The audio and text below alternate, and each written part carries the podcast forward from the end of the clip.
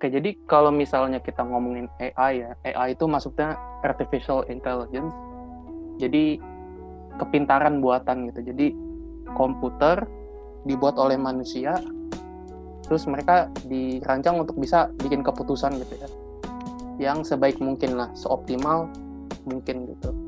Kayak misalnya bikin uh, antrean gitu ya, kayak misal aplikasi Gojek gitu, itu kan pakai AI terus kayak robot-robot di perusahaan rakitan gitu ya itu kan juga AI terus juga ada robot-robot pelayan gitu ya yang di Jepang gitu ya.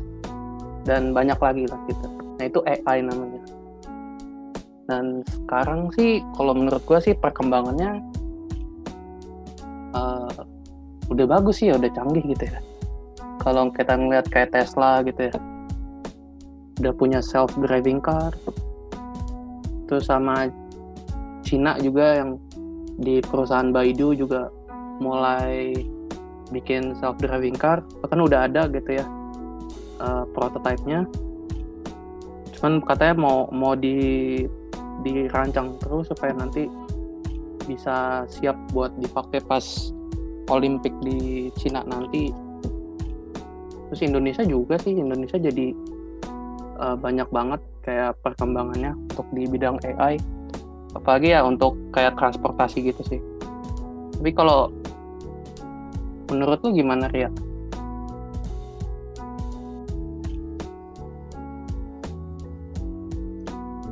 Um, hmm.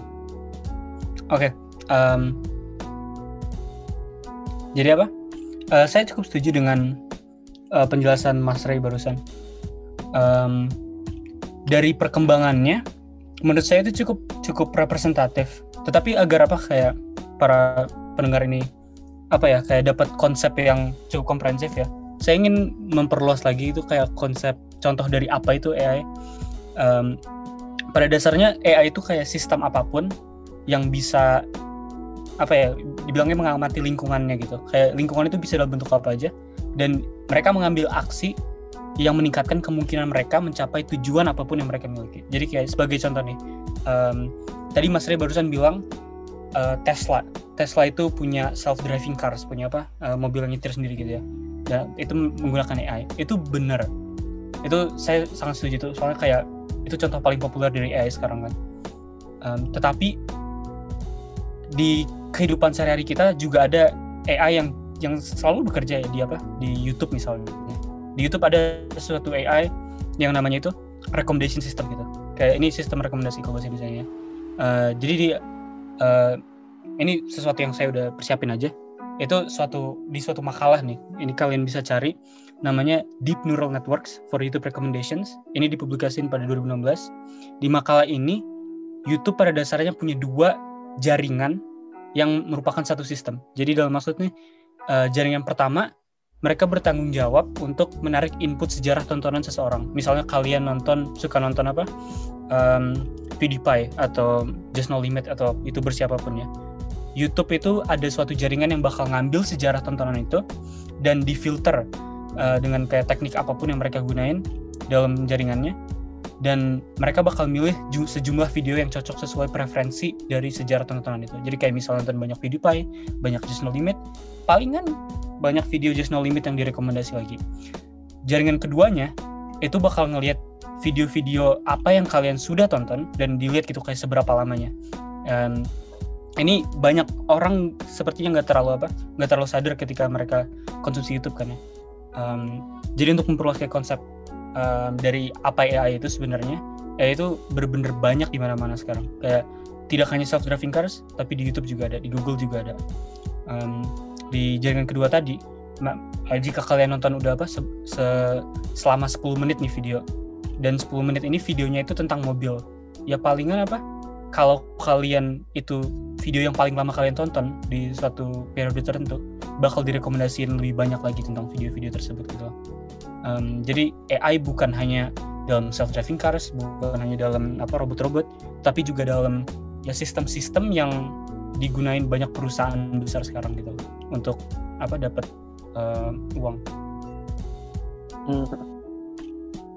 iya bener sih ya YouTube Instagram TikTok Facebook gitu ya kayaknya sebuah semua sosial media tuh udah ada AI-nya sendiri sih yang untuk ngatur uh, feeds feeds dan segala macam um, ini sih ini ini jadi bikin gue penasaran sih mungkin kalau lo mau diskusi tentang kayak positif dan negatifnya ya kayak gue ngeliat tadi ya kalau misalnya lu 10 menit terus nanti bakal direkomendasiin hal yang sama itu sih gue ngeliatnya berbahaya sih ya. Karena ke antara itu uh, membantu dia atau enggak itu malah bikin dia jadi kecanduan gitu kan. Dan seram juga sih kalau sebuah AI gitu bisa tahu kayak gimana uh, cara pikir lu gitu cara kelakuan lu gitu kan. Menurut lu gimana? Hmm, itu bener sih kayak kekhawatirannya kan kalau kita nonton ini 100 jam ya kayak dalam suatu periode tertentu itu kita nonton video just no limit terus video kayak gaming apa pun terus. Dan direkomendasiin terus menerus video-video yang apa hmm, video-video yang jenis-jenisnya sama gitu loh. Dan kita nggak dapat konten edukatif apa pun sama sekali. Saya rasa itu kekhawatirannya bener bisa apa bisa muncul di situ tetapi saya rasa untuk menyelesaikannya gitu ya itu bukan dari AI-nya sendiri gitu, bukan dari AI sistem yang rekomendasiin sendiri.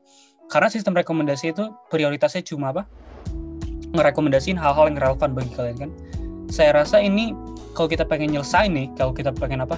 Uh, minimalisir kecanduan yang bisa kita dapetin dari YouTube atau dari uh, apa Instagram gitu ngeliat konten-konten yang sama terus-menerus. Itu harus dari uh, pihak luar gitu loh, bukan dari AI-nya sendiri. Jadi kayak misalnya um, kita kecanduan rokok dan dire direkomendasiin terus produk-produk rokok solusinya itu dari pihak kita sendiri entah dari mungkin dari orang tua atau dari apa dari um, sekolah dari kuliah dari pemerintah atau dari apa untuk minimalisir hal-hal itu. Karena sistem rekomendasi nggak ada urusannya menurut saya untuk apa um, untuk performa dalam aspek-aspek lain gitu Kita kita entah harus bikin AI lain untuk apa menghandalin aspek-aspek lain itu agar bisa diminimalisir juga uh, efek AI yang sistem rekomendasi atau kita coba dari pihak yang eksternal gitu itu saya rasa paling efektifnya. Karena kalau kita mulai apa namanya nge ngebatasin gitu ya performa sistem recommendation itu bakal malah uh, malah apa menghalangi performa mereka gitu. Kayak bakal uh, berkurang gitu uh, efektivitasnya. Kayak, kayak misalnya kita tuh ternyata kayak suka banget nonton video-video astronomi tapi karena kesalahpahaman gitu ya karena dibatasin efektivitas AI-nya kita mereka jadinya rekomendasi video gaming juga. Atau kayak kebalikannya kita suka banget nonton video gaming tapi emang kayak cuma suka aja gitu. Karena kalau di YouTube kita cuma nonton video gaming dong tapi di luarnya kita uh, serius gitu kuliah. Um, itu ya kenapa ada urusannya apa gitu kayak sistem rekomendasi untuk ngasih-ngasih video yang yang apa yang kayak politik gitu misalnya atau edukasi. Itu saya rasa harus dihandlinya dalam aspek yang berbeda gitu. Kayak gak ada konteks besarnya kan kayak mereka uh, AI, AI ini yang secara kecilnya secara sudutnya itu mereka nggak ada konteks besarnya. Itu dari kita sendiri. Hmm, apa ya mungkin gue nggak setuju sih karena secara pribadi gue sangat kecanduan dengan YouTube sih kan wah ya kayak 6 jam bisa 7 jam gitu. Dan itu karena uh, ya gimana ya menurut gue karena emang didorong sama sama AI YouTube gitu. Dan kalau kita bilang harus ada bantuan eksternal tuh menurut lo lebih ke perusahaannya nggak sih? Karena kalau misalnya kayak orang tua gitu atau guru ya secara realistik kayaknya kurang gitu. Kayak mereka kurang bisa ngebantu karena kita lihat banyak orang tua yang sebenarnya nggak peduli gitu kan dan banyak guru yang juga nggak peduli gitu kan. Apalagi di di eh, pandemi sekarang gitu ya. Nah guru nggak bisa ngeliat gitu kan. Dan uh, lu bisa duduk gitu kan sambil uh, ngelihat pelajaran sambil bisa nonton YouTube gitu jadi kayak ya nggak nggak bisa apa-apa gitu kalau guru bagi orang tua gitu yang kemungkinan ya banyak yang sebenarnya nggak nggak peduli gitu sih menurut gue kayak ya udah lu kalau nonton ya nonton aja gitu Hmm, Oke, okay. kayak itu saya setuju maksudnya. Kayak maksud saya eksternal itu secara langsung bukan bukan kayak apa harus benar-benar di luar dari dari apa dari perusahaannya. Yang saya maksud kayak menurut saya solusinya harus di luar dari AI itu sendiri. Karena AI itu sendiri nggak AI yang apa yang uh, yang bertanggung jawab atas sistem rekomendasinya maksudnya spesifiknya ya. Itu mereka nggak punya konteks lebih besar akan apa situasi Mas Ray gitu nih. Kayak misalnya kayak Mas Ray itu bener-bener kecanduan uh, video-video ASMR misalnya.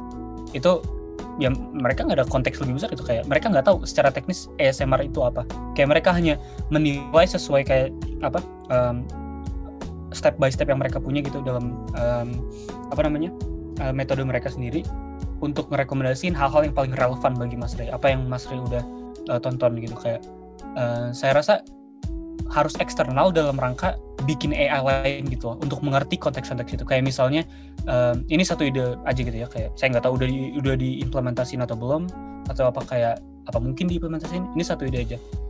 Saya rasa harus ada AI juga yang berurusan kayak jadi bisa nanya aja gitu ke ke apa ke para konsumennya kayak ini baik nggak sih untuk kayak kita ngerekomendasiin video-video ini bagi kalian? Kayak atau atau apa kalian ada situasi mungkin?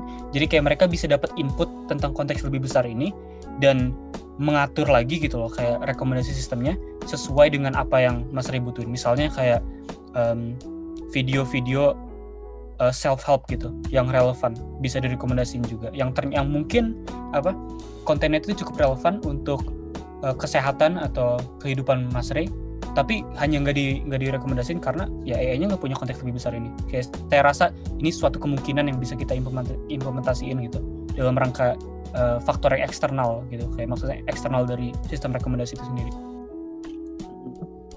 Tapi ya untuk implementasi itu ya harus dari perusahaannya kan dan kita ngeliat kalau misal kita ngeimplementasiin suatu sistem di mana penonton lu nggak kecanduan lagi tuh malah ngurangin uh, masa waktu mereka nonton kan berarti dan ngurangin masa waktu mereka lihat iklan. Jadi kan ngurangin revenue juga kan jadi ngurangin pendapatan. Jadi menurut gua nggak nggak realistis sih untuk perusahaan gitu untuk bikin semacam AI baru gitu ya. Saya saya apa saya setuju bahwa apa solusinya itu dari perusahaannya sendiri ini. Kayak dalam uh, contoh yang saya buat tadi. Yang saya maksud saya nggak pengen perusahaannya itu ngehalangin apa performa uh, umum dari AI mereka ketika mereka apa tuh kayak uh, ngerekomendasiin video-video gitu. Kayak saya rasa asumsinya itu semua orang itu konteksnya jangan diasumsi kayak apa uh, sorry saya harus lebih jelas kayak konteksnya jangan ngasumsi semua orang itu kecanduan gitu. Kayak itu kayak maksud saya. Soal kayak bisa aja se seorang anak emang cuma suka nonton kartun aja gitu. Kayak jadi kayak direkomendasiin lebih banyak kartun gitu kan. Kayak ya oke kayak nggak ada masalah gitu. Saya kayak konteks besarnya jangan diasumsi bahwa semua anak itu sebenarnya lagi coping lagi eskapisme gitu ya. Kayak uh, karena lagi di dihantam sama orang tuanya jadi kayak mereka nonton video. Kayak saya rasa itu sesuatu yang harus dilakukan eksternal dari AI apa uh, sistem uh, recommendation uh, itu sendiri. Kayak dari dari apa dari pemerintah bisa dari um, apa perusahaannya iya kayak gitu. Kayak tapi maksudnya eksternal jangan jangan apa secara umum dihalangin gitu performanya. Soalnya itu bakal uh, malah apa ada efek yang disproporsional gitu bagi perusahaannya dan kayak apa ke ekonominya gitu. Jadi apa kayak profit mereka kurang dan kayak apa performanya bagi kita secara umum juga kurang gitu. Kayak itu sesuatu yang spesifik yang perlu apa solusi yang spesifik juga. dihalang itu maksudnya sama siapa? Maksudnya Jadi solusi yang saya baru saja kasih itu saya nggak pengen performa umum dari AI yang uh, misalnya di YouTube nih, yang YouTube kan tadi saya kan jelasin bahwa salah satu contoh dari AI itu uh, sistem rekomendasi yang digunakan YouTube kan. Saya nggak pengen secara umum performa mereka tuh dihalangin gitu. Kayak pas mereka nge, uh, dihalangin oleh YouTube sendiri. Jadi apa? Saya nggak pengen bahwa sistem rekomendasi mereka meng mengasumsi bahwa semua rekomendasi yang mereka lakukan itu apa meningkatkan eskapisme anak-anaknya. atau kayak meningkatkan apa uh, kecanduan terhadap video anak-anak. Kayak saya nggak pengen mereka ngasumsi konteks-konteks besar itu karena itu sesuatu yang di luar kemampuan AI itu sendiri. Kayak itu entah harus buat suatu sistem lain yang mungkin AI mungkin enggak kayak saya nggak tahu kayak itu dalam performa AI atau enggak kayak konteks-konteks besar ini harus di dihandelin kayak apa di sistem yang luar dari AI sistem rekomendasi itu sendiri yang saya maksud tadi. Iya. Gue gue sih gue pernah dengar sih kayak tentang etik-etik gitu loh kayak mau masang semacam etika untuk kayak ngontrol AI kayak di Facebook misalnya supaya mereka nggak ngerekomendasiin postingan-postingan yang berbahaya atau gimana. Ya gue gue nggak nggak ngeliat aja sih. Kayak lu bilang kayak uh, ini bakal bakal berbahaya gitu ya long termnya gitu ya. Jangka panjang untuk perusahaan-perusahaan ini kayak untuk ngalangin sendiri. Tapi gue ngeliatnya mereka nggak peduli gitu sih. Saya setuju apa kayak kinerja kayak cara kerja perusahaan-perusahaan mayoritas waktu itu mereka nggak bakal peduli sama apa situasi kita. Yang saya maksud itu kayak ini kan AI ini bekerja bukan hanya untuk perusahaannya tapi untuk kita juga gitu kayak maksudnya mereka itu suatu jasa yang kita gunakan kalau jasa ini secara umum itu performanya berkurang kualitas yang kita dapetin juga dari mereka bakal berkurang. Kalau kalau misalnya kayak kita lagi nonton video-video gaming, tapi apa rekomendasi kita secara umum itu berkurang gitu kayak relevansinya. Kita malah direkomendasiin video ASMR banyaknya. Karena konteksnya kayak apa? Uh, ini apa? Uh, eh, AI ini mengasumsi secara umum bahwa semua orang itu takutnya ada ada apa? Lagi coping gitu ya. Jadi kayak kita harus uh, coba kurangin dopamin mereka. Kayak kita kasih mereka video ASMR yang nggak terlalu relevan bagi mereka gitu. Kayak saya nggak nggak nyaman aja bahwa AI AI ini mengasumsi konteks-konteks besar itu. Kayak itu sesuatu yang harus dilakuin di luar dari AI itu gitu kayak mungkin bisa menghalangi tetapi saya nggak pengen apa yang dihalangi itu performa umumnya gitu kayak kita harus kita harus kayak um, mengasumsi bahwa semua orang itu normal dan ada ada apa ada situasi-situasi yang tidak normal yang seharusnya kita selesaikan gitu. Kayak pendekatannya jangan semua orang itu nggak normal sampai mereka normal gitu. Kayak kayak apa kayak uh, innocent until guilty. Jangan kayak apa guilty until innocent gitu. Kayak saya rasa nggak baik kalau kalau kita sem uh, kalau kalau nggak baik kalau bagi bagi jasa kita dan bagi apa perusahaan-perusahaan yang dapat uangnya itu untuk mengasumsi bahwa semua orang itu apa mentalnya itu rusak karena uh, jasa yang mereka beri gitu.